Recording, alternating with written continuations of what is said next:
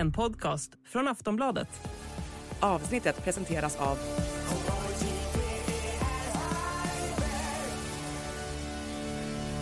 Stödlinjen.se, åldersgräns 18 år. Hej och välkommen till Åsiktskorridoren, en podd från Aftonbladet Ledare. Idag pratar vi om Daniel Heldén, Ulf Kristersson och Jamal El-Haj i, inte i den ordningen, men kanske samtidigt. Välkommen! En podcast från Aftonbladet Ledare.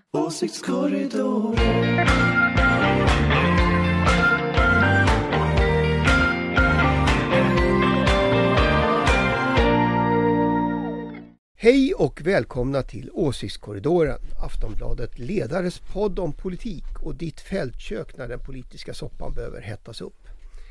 Eh, äntligen skulle jag väl kunna säga.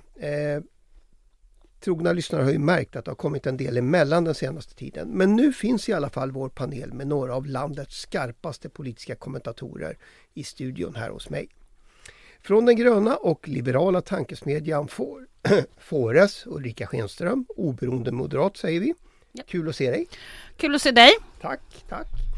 Från Aftonbladets oberoende socialdemokratiska ledarsida, Jonna Sima. Det är roligt att se dig också. Ja, detsamma. Tack. Och dessutom Aftonbladets politiska chefredaktör Anders Lindberg. Eh, Du är också oberoende socialdemokrat och det är kul att se dig också. Detsamma. Ja. Själv heter jag Ingvar Persson och skriver till vardags ledare i Aftonbladet. Men i den här podden är det mitt uppdrag att ställa frågorna och fördela ordet, i alla fall i den mån panelen tillåter det. Eh, vi drar igång direkt med Miljöpartiet som höll kongress i Örebro i helgen. Nyhetsrapporteringen har ju till stor del handlat om språkrörsvalet och med den eh, minsta möjliga marginal blev det valberedningens förslag Daniel Heldén från Stockholm som vann. Anders, du har beskrivit honom som Kristerssons sista biljett in i matchen igen. Varför då? Nej men det beror lite på. Den väldigt konkreta orsaken var ju att, eh, att eh, mellan 2018 och 2022 så bytte han ju sida i Stockholm.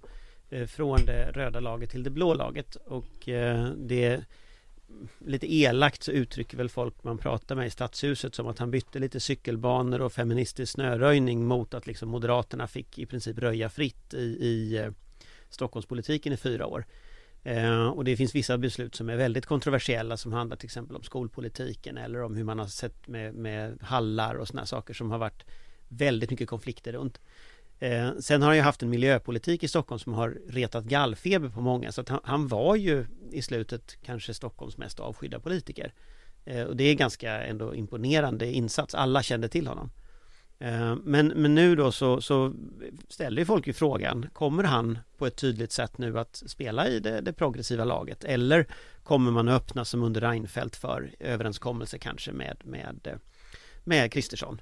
Eh, så har ju Miljöpartiet agerat förut så att det finns väl en sånt frågetecken och jag vet att många som är kanske mer till vänster än jag de är fruktansvärt liksom arga på det här nu. Eh, jag är väl beredd att ge dem en chans kan man säga, se vad, se vad som händer men, men, men det är klart att det här skulle kunna vara Kristerssons chans att, att bilda en Kristersson 2-regering på något sätt. De som är mer till vänster än- än dig brukar väl alltid vara arga på Miljöpartiet? Ja och nej. De, de har nog sett Miljöpartiet som, som ändå stabila. Och tittar man i, i, i förra valen till exempel så var 86 procent av Miljöpartiets väljare eh, uppfattade sig som vänster. Eh, och, och det är nog så många till vänster har uppfattat dem. Men vad jag tror vi ser här det är ju liksom en, en, en delvis ny spelplan. Alltså Miljöpartiet har inte alltid varit ett vänsterparti. De har varit ett mittenparti. Och det är klart att, att det är inte alls otänkbart att tänka sig att eh, kanske Kristersson vill försöka styra vidare i, i någon form av hoppande majoritet i riksdagen där han bygger olika delar av politiken på olika partier. Eh, det krävs ju att Magdalena Andersson både har liksom tillräckligt mycket röster men att hennes koalition faktiskt kan samarbeta med varandra. Eh, och där såg vi ju Daniel Heldén som första utspel sa han att han kommer aldrig att sätta sig i en regering eller han kommer inte att samarbeta med en regering som bygger ny kärnkraft. Vilket Socialdemokraterna ju antagligen inte kommer att ha samma uppfattning som. Så då såg vi liksom direkt pang, konflikt. Det vill ju kanske inte, det kanske inte Kristersson har samma uppfattning heller. Har en partiledare så här stor betydelse Ulrika? Du menar Heldén? Ja, Ja, ehm, ja men det kan det väl ha men jag tror ju inte Jag, jag har faktiskt sysselsatt mig och ringt till lite olika miljöpartister som jag känner för att fråga Och eh, det finns ingen som eh, tror att han någonsin skulle göra upp åt något håll där Sverigedemokraterna får någon slags inflytande. Det är i alla fall deras uppfattning. Så att jag går på det. Men, Men jag om- tror inte det är frågan faktiskt. Jag tror frågan är om det är så att Kristersson kan sitta kvar med hoppande majoriteter. Om du kollar på hur Löfven gjorde till exempel, han hade ju inte majoritet men han kunde basera sig på hoppande majoriteter i riksdagen och det är snarare det som Kristersson skulle kunna göra. Att Helldén inte samarbetar med Sverigedemokraterna, det tror jag är helt självklart. Men, men om, anta följande, anta att, att det rödgröna laget vinner nästa val eh, inklusive Centerpartiet men att Miljöpartiet, Centerpartiet och Vänsterpartiet inte kan samarbeta med varandra därför att man ställer en massa ultimatum till varandra som gör att det inte går. Vem kommer då att regera Sverige? Ja, Kristersson.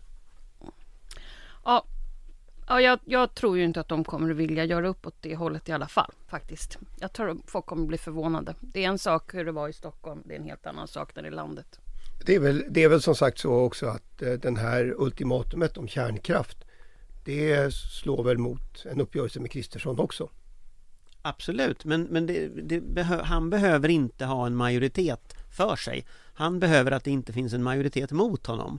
Och om det är så att, att eh, Magdalena Andersson inte kan väljas till statsminister så blir hon inte statsminister. Då kommer Kristersson att kunna ha den posten. Och det är det vi ser nu när vi ser fyra partier till vänster som verkar ibland tycka mer illa om varandra än om regeringen. Och vi har ju hört Vänsterpartiet agera på det här sättet förra mandatperioden. Jag skulle inte bli jätteförvånad om det här är ett miljöparti som skulle kunna agera ungefär som Vänsterpartiet gjorde mot Löfven. Eh, Centerpartiet vet vi skulle kunna agera på det sättet. Och, och jag menar just nu så har Magdalena Andersson jättehöga siffror. Men det är ju för att det andra gänget skjuter sig i foten varje morgon klockan sju när de går upp på morgonen. Om de slutar skjuta sig i foten Ja men om de slutar skjuta sig i foten Då kommer liksom strålkastarna att vändas till Magdalena Andersson och fråga vad vill du göra då? Vad har du för gäng? Och om då liksom eh, Daniel Helldén springer iväg över kanten åt ena hållet Centerpartiet åt andra hållet och, och, och vänsterpartisterna rakt ner i ett hål Det är klart att ja, men då har hon inget alternativ och, och det är det där som jag tror jag ser tecken på att de inte liksom pratar med varann och det tycker jag är ett jätteproblem. Sen hoppas jag det ändras. Det pro- stora problemet, problemet är väl att de inte kanske pratar så mycket med varandra Alltså i Miljöpartiet, mellan språkrören, alltså den klyfta som har spelats upp i media, i alla fall mellan eh, Märta Stenevi och Daniel Eldén, måste de ju försöka läka här. Men sen så tror jag kanske att Anders målar lite fan på väggen, alltså för att Daniel. Daniel Helldén blir trots allt vald, precis som du sa, med minsta möjliga majoritet. En röst över eh, mer än den här andra kandidaten, Magnus P. Wolin. Eh, så att det ger honom liksom inget starkt mandat att köra något solorace här och inom partiet finns det ju inga eh, sådana liksom uttalade ambitioner att samarbeta med högern. Särskilt inte nu med den här miljöpolitiken när klimatutsläppen ökar och sådär. Så då tror jag det finns ännu mindre chans för honom att köra något sånt. Någon liksom höger, eh, ja, att vingla ut åt höger. Nej, för jag tänkte just fråga det. Det här var ju ett, jag, jag kan inte tänka mig, alltså mindre marginal är omöjligt. Eh, att välja- Lottning. Ja, för att välja en partiledare. Men jag kan, jag kan liksom inte tänka mig någon partiledare i något svenskt parti som har valts med, med så här eh, svag... Nej, han har inte direkt något brett mandat. Nej, alltså hur stor betydelse har det egentligen? Jonna, du, du antyder ju att eh, det inte ger honom något fritt spelrum att ändra Nej, spelregler. det måste ju vara jättetungt och tråkigt att börja på det viset, liksom verkligen i uppförsbacke. Eh, Så det, det känner han ju själv. Jag tycker också man ser att det, han är lite stukad i hans eh, medieframträdanden. Det här har ju inte varit en rolig process för honom. Nej, och det, alltså jag skulle säga att ett brett mandat är ett måste för att kunna orka ta egna beslut som kanske inte är populära, men man får ändå mandatet att göra det. Eh, jag har jobbat med ett par partiledare och där den, eh, en verkligen inte hade något brett mandat och en hade hela mandatet. Och vilken otrolig skillnad det är att eh, jobba då. Fast jag, jag, jag, är benägen att inte hålla med. Men jag, gud, jag, jag tror är att- du benägen Ja, att inte hålla att, med? Ja, jag tror att Miljöpartiets eh, partikultur är en annan än Moderaternas och Socialdemokraternas. Eh, alltså Juholt fick ju avgå för att liksom några personer högg honom i ryggen och så var han körd. Eh, men, Det men brukar folk säga när de får avgå. Ja, men han, ja, vi såg ju allt, vi såg ju vad som hände, så vi vet ju det, att det var så. Eh, men han hade ju ingen majoritet i partiet mot sig. Eh, han fick avgå ändå. Och den här Bo Lundgren som du nog inte uttalade namnet på. Det spelar ingen roll, jag man bara... inte- named. Han, han är liksom... Varför var det så viktigt han att det kom fram? avgå- Och alla bara visste hur mycket han skrattade Han får ju nu. av, han fick ju avgå för att han inte hade stöd Men, men det var ju inte så att han blev bortröstad eh, Det här i Miljöpartiet så tror jag det är att de lägger det här bakom sig eh, De har, jag har varit på några sådana där kongresser De har alltid voteringar om allting Och det är ingen som bryr sig efteråt Och jag tror att det kommer vara samma sak här. Nej, de- det är de kommer- mellan person eh, Fast de har valt partiledare med massa bråk innan Flera olika personer på listor hit och dit för alla möjliga val.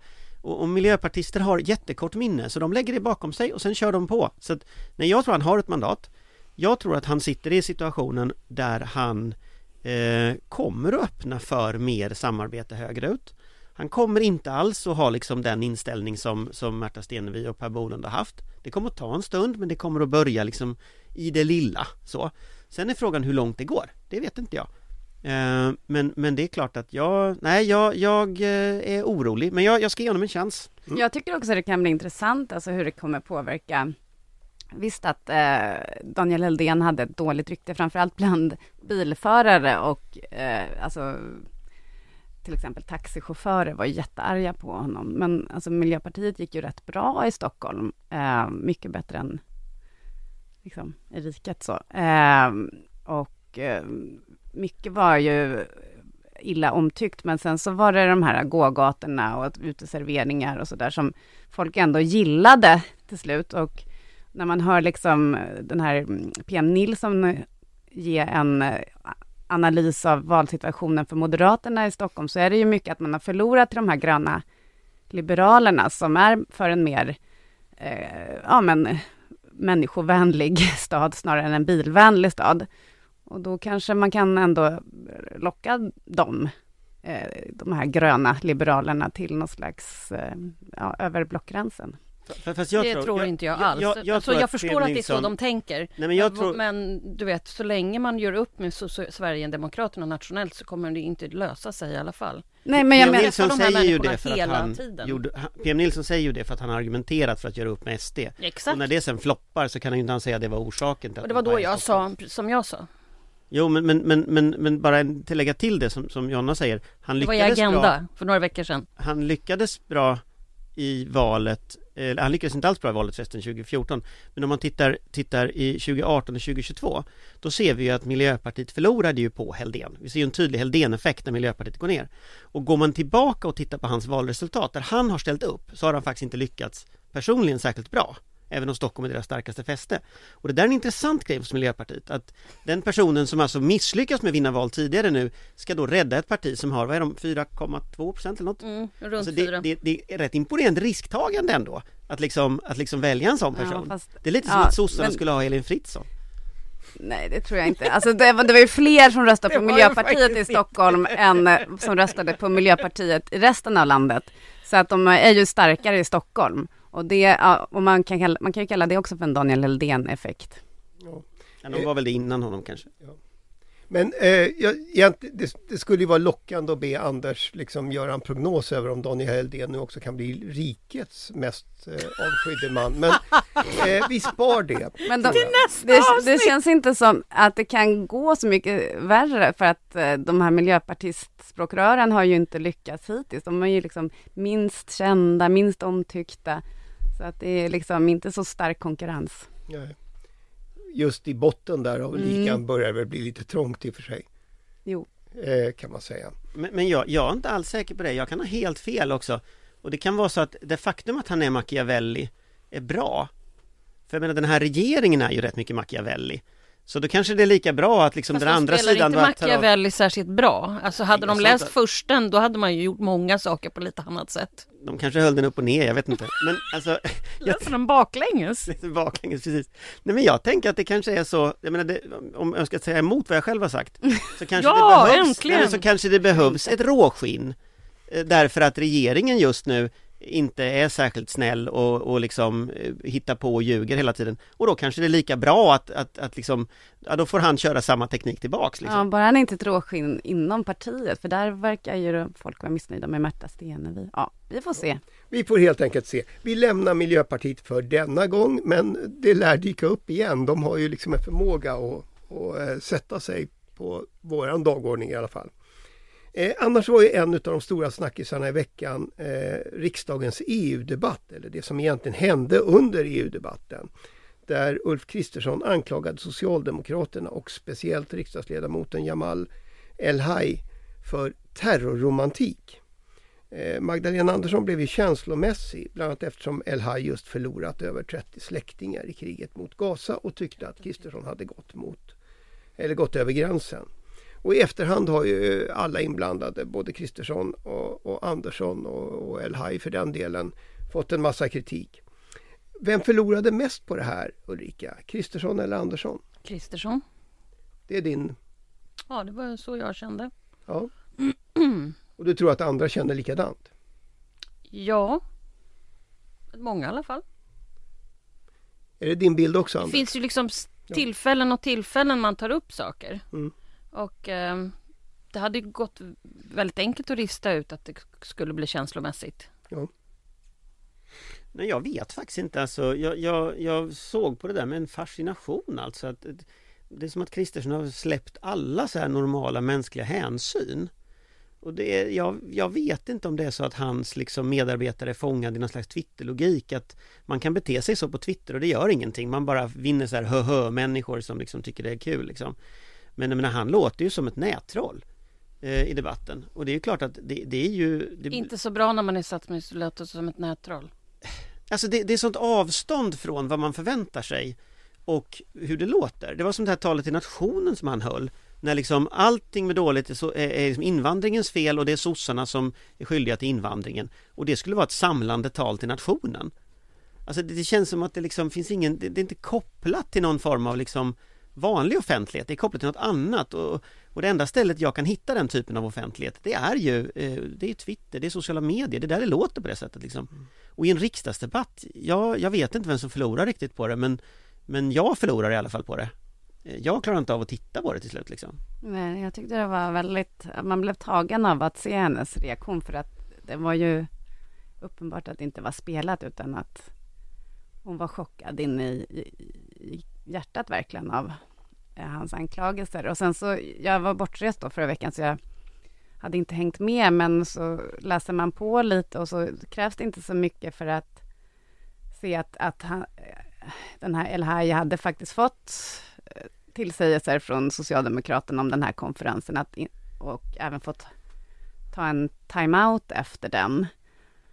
Men också att man kan se att han har skrivit motioner där det är liksom tydligt liksom, eh, mot eh, Hamas och eh, liksom väldigt kritiskt. Så att, att anklaga honom för terrorromantik, eh, det kändes väldigt eh, överdrivet. Jag- ska säga, jag har ju också mm, sett en del utav opinionen eftersom jag har, har eh, korresponderat med Aftonbladets läsare i det här ämnet. Eh, och det är väldigt upphetsad eh, debatt så alla är inte så övertygade om att det här var, vara äkta. Så är det ju. Det, det är liksom, den här väldigt hårda debatten fortsätter utanför. Men, men jag, tänker, jag tänker så här, N- när jag ser eh, sättet de här, eh, från statsministern egentligen och neråt till liksom eh, Twitter-trollen, liksom så här, vad, vad, hur man agerar. Det påminner mig väldigt, väldigt mycket om eh, en bok eh, som är skriven av en, författare som heter Peter Pomerantsev som har studerat rysk desinformation, hur den är upplagd. Och den är väldigt mycket upplagd på det här sättet att du, du säger saker som är fruktansvärt långtgående eh, påhittade ofta, som mycket av det här är påhittat och Socialdemokraterna antisemiter påstår man, massa sådana saker som, som är ren desinformation. Och så blandar man upp det med saker och ting som är verkliga. Alltså den här El Haj var på den här konferensen till exempel. Eh, och sen blandar man upp det med att håna alla som hela tiden kritiserar detta. Och så får man den här, den här mixen, toxisk mix av liksom desinformation, vissa små sanningar och sen hån och skratt och liksom ett otroligt negativt beteende. Och sen trycker man på med en enorm massiv information, eh, eller liksom tryck på det här. Men poängen med alltihopa, och det är det Peter Pomerantsev skriver, syftet är inte att du ska tro på det. Utan syftet är att du ska känna, ja ah, men det, det var något med sossarna och antisemitism. För det är ingen som på riktigt tror på det här de påstår. Men, ah, men det var något, ingen rök utan eld. Och så är rysk propagandas, rysk desinformation upplagd. Och nu ser vi så samma teknik som används i, i den här frågan om den här El-Haj då till exempel. Och det där, det, det, det, det skrämmer mig. För det betyder att man har liksom korsat en linje i hur man bedriver politisk kommunikation här. Men det ligger ju också lite i linje med alltså, den här regeringen, eh, hur man också har talat om muslimer och eh, alltså allt ifrån ehm, den här påskupproren när, eh, som, där folk blev väldigt arga av förklarliga skäl när Paludan brände, bränder koraner och jag bara, reaktion där var att man skulle skjuta skarpt mot dem. Liksom. Alltså det, det är någon slags ton liksom att utmåla muslimer per definition som någon slags hot, som jag också tror är verkligen farlig, eh, att det kommer från regeringen liksom hela tiden, den här typen av budskap som gör det väldigt obehagligt. Ja, på den punkten är vi väl ja, överens jag tycker också i att det panelen. Är väldigt obehagligt. Ja. Hörrni, jag tänkte vi skulle hinna med en fråga om brittisk politik också. Eh, jag vet ju att det gör paneldeltagarna extra glada när, när det dyker upp. Eh, förra veckan mest åt, eh, oväntade återkomst var väl kanske att den tidigare premiärministern David Cameron tar plats i Richie Sunaks regering som utrikesminister. En Carl Bildt har somliga talat om. Exakt. Eh, är det ett genidrag Ulrika, du som vet? Ja men det tror jag är bra. Alltid bra med erfarenhet på rätt man på rätt ställe så att säga. Det tror jag blir bra. Men vilket ställe var Carl Bildt på? Det var ju alltid svårt att veta. Ja, det, det är sant. Om man inte följde Twitter, då visste man var han var. Ja. Men jag vet inte om RK hade någon koll. Nej. Jonna, har du några förhoppningar på David Cameron? Uh, men jag tyckte väl att det var ändå lite intressant val av Sunak. Uh, och han har ju verkligen haft en sån här kulturkrigsregering eh, med den här inrikesministern som tvingades avgå efter att ha kallat eh, de här demonstrationerna mot som, kriget i, i Gaza då, eh, för hatmarscher och sånt där. Så att då är det väl bättre med en, en lite mer rimlig eh, moderat mm. där. Sen om det blir bra, det, det vet jag inte. Cameron är ju annars mest känd för att han drog igång folkomröstningen om EU och det blev ju inte riktigt det utfallet som han hade tänkt sig eller någon annan. Nej men det blev ju fel, alltså han använde ju sig av fel orsak till varför han drog igång det var för att han skulle försöka ena partiet. Ja. Och sen så förstörde han halva Europa. Mm. Hoppsan. Grattis! Jo men han fick ju frågan, Rishi Sunak, när han berättade att han hade utsett honom Så fick han ju frågan på någon backbencher om, om kan du nämna, du sa att, att det var många utrikespolitiska framgångar som, som, som Cameron har haft. Kan du nämna hans viktigaste utrikespolitiska framgång? då börjar ju alla skratta och sen kan ju Sunak, han finner sig ju inte. Så han säger att det var något där G8-möte som gick bra. Och det blir liksom bara gapskratt. Och det, det där, ja alltså han, han, han hade ju det här med compassionate conservatism och, och och liksom den, den idén någonstans, han, han skulle cykla till jobbet och sen åkte hans väska i en bil bakom och sådär. Alltså det var ju mycket sånt. Han höll på med, den här Cameron. Eh, Så han är ju en rolig figur. Men eh, jag vet inte, jag, jag tror att den här regeringen är lite rökt eh, Baserat på att den helt enkelt har misslyckats med liksom ekonomin och, och samhällsutvecklingen i största allmänhet och en fruktansvärd Brexit-historia som ju skadar folk fortfarande och så, så att jag tror det blir svårt sen, sen, så får vi väl se. Keith Starmer, Labours ordförande, leder ju stort i alla mätningar. Så jag hoppas att det inte bara blir att Labour då misslyckas. Men eh, ja, nej, jag tror det, förr, det de har ju hänt förr liksom. De är ju rätt bra på, på att skjuta sig i foten. Så är väl Labour kanske Sverige, eh, Europas skickligaste parti på den punkten. Vi skulle antagligen kunna fortsätta på temat skjuta sig i foten men eh, det här är faktiskt allt vi hinner för idag. Så det blir inga fler skott i foten. Eh, vi har till exempel inte pratat om regeringens kärnkraftsplaner. Vi har inte pratat om Liberalerna som också haft landsmöte. Men det tar vi nästa gång. Eh, det kanske vi tar nästa gång om vi inte vi har några andra saker vi måste prata om just då. Eh, Och vi har heller inte pratat om den nya. Liberalernas landsmöte är ju roligt när man läser liksom borgerliga tidningar nu. Så liberala tidningar försöker ju liksom klämma ut någon form av nyheter från liksom Liberalernas landsmöte och lyckas ju nästan inte. Det är faktiskt helt fascinerande att se. Så att nästa gång, de kanske inte ska ha det samtidigt som ett annat parti väljer partiledare. Särskilt, du, och, du tänker, och särskilt inte ett modigt parti som, eh, som liksom tar höga risker och så har vi då ett riskminimerande. Det stora, den stora nyheten var väl att de kände sig överkörda och inte hade fått något att säga till om kring Tidöförhandlingarna och sådär. Så att Nej, det, det vad var hade ju, de tänkt sig? det var inga positiva nyheter som sipprade Nej. ut. Och det var väl, det kanske inte hade blivit något tid eh, samarbete om de hade haft något att säga till om. Kan man tänka.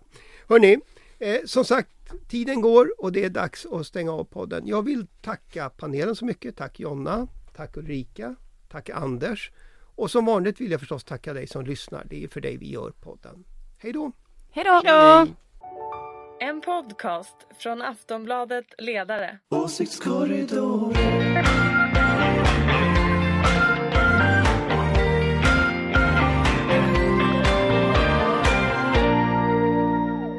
Du har lyssnat på en podcast från Aftonbladet.